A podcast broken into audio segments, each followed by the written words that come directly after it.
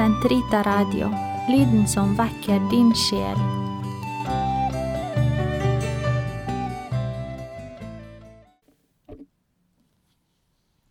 Den katolske kirkes katekisme, uke fire, onsdag, paragraf 1099 til 1107.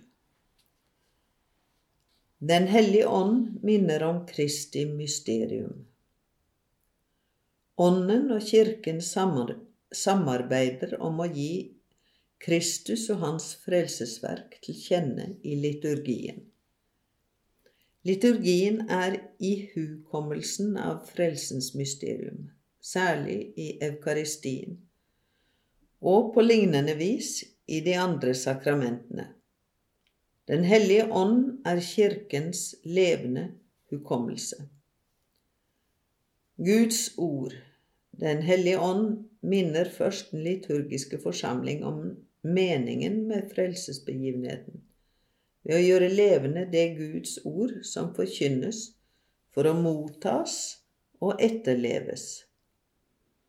Av største betydning for feiringen av liturgien er Den hellige skrift for fra Skriften hentes lesningene, som også blir forklart i homilien, og fra den kommer de salmer som synges. Det er under dens påvirkning bønnene og de liturgiske hymner er blitt til, og det er i den at liturgiens tegn og handlinger henter sin mening. Det er Den hellige ånd som gir dem som leser eller hører, en åndelig forståelse av Guds ord, alt etter hjertets beredvillighet. Gjennom de ord, handlinger og symboler som danner renningen i den liturgiske feiring, oppretter han et livsfellesskap mellom de troende, embetsbærerne og Kristus, Faderens ord og bilde, slik at de blir i stand til å sette ut i livet meningen med det de hører, ser og gjør i gudstjenesten. Det frelsesbringende ord vekker jo troen, hvorved de troendes forsamling oppstår og vokser, og nærer den i de troendes hjerter. Forkynnelsen av Guds ord er ikke ren undervisning, for den forventer et troens gjensvar i form av tilslutning og forpliktelse med henblikk på pakten mellom Gud og hans folk. Det er fremdeles Den hellige ånd som gir troens nådegave, styrker den og gir fellesskapet å vokse i den.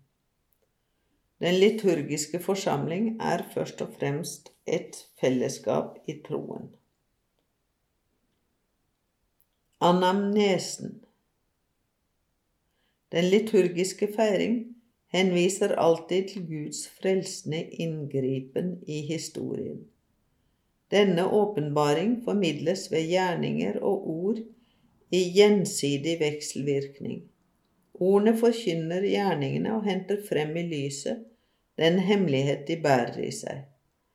I ordets liturgi minner Den hellige ånd forsamlingen om alt det Kristus har gjort for oss alt etter de liturgiske handlingers natur og Kirkens rituelle tradisjon, ihukommer den liturgiske feiring Guds storverk i form av en mer eller mindre velutviklet anamnese. Den hellige ånd, som på denne måten vekker Kirkens hukommelse, frembringer så takksigelse og lovprisning, doksologi. Den hellige ånd gjør Kristusmysteriet nærværende. Den kristne liturgi minner ikke bare om de begivenheter som frelste oss, den gjør dem levende og nærværende. Kristi påskemysterium feires, det gjentas ikke. Det er de liturgiske feiringer som gjentas, og i hver av dem utgytes Den hellige ånd, som gjør det ene mysterium levende.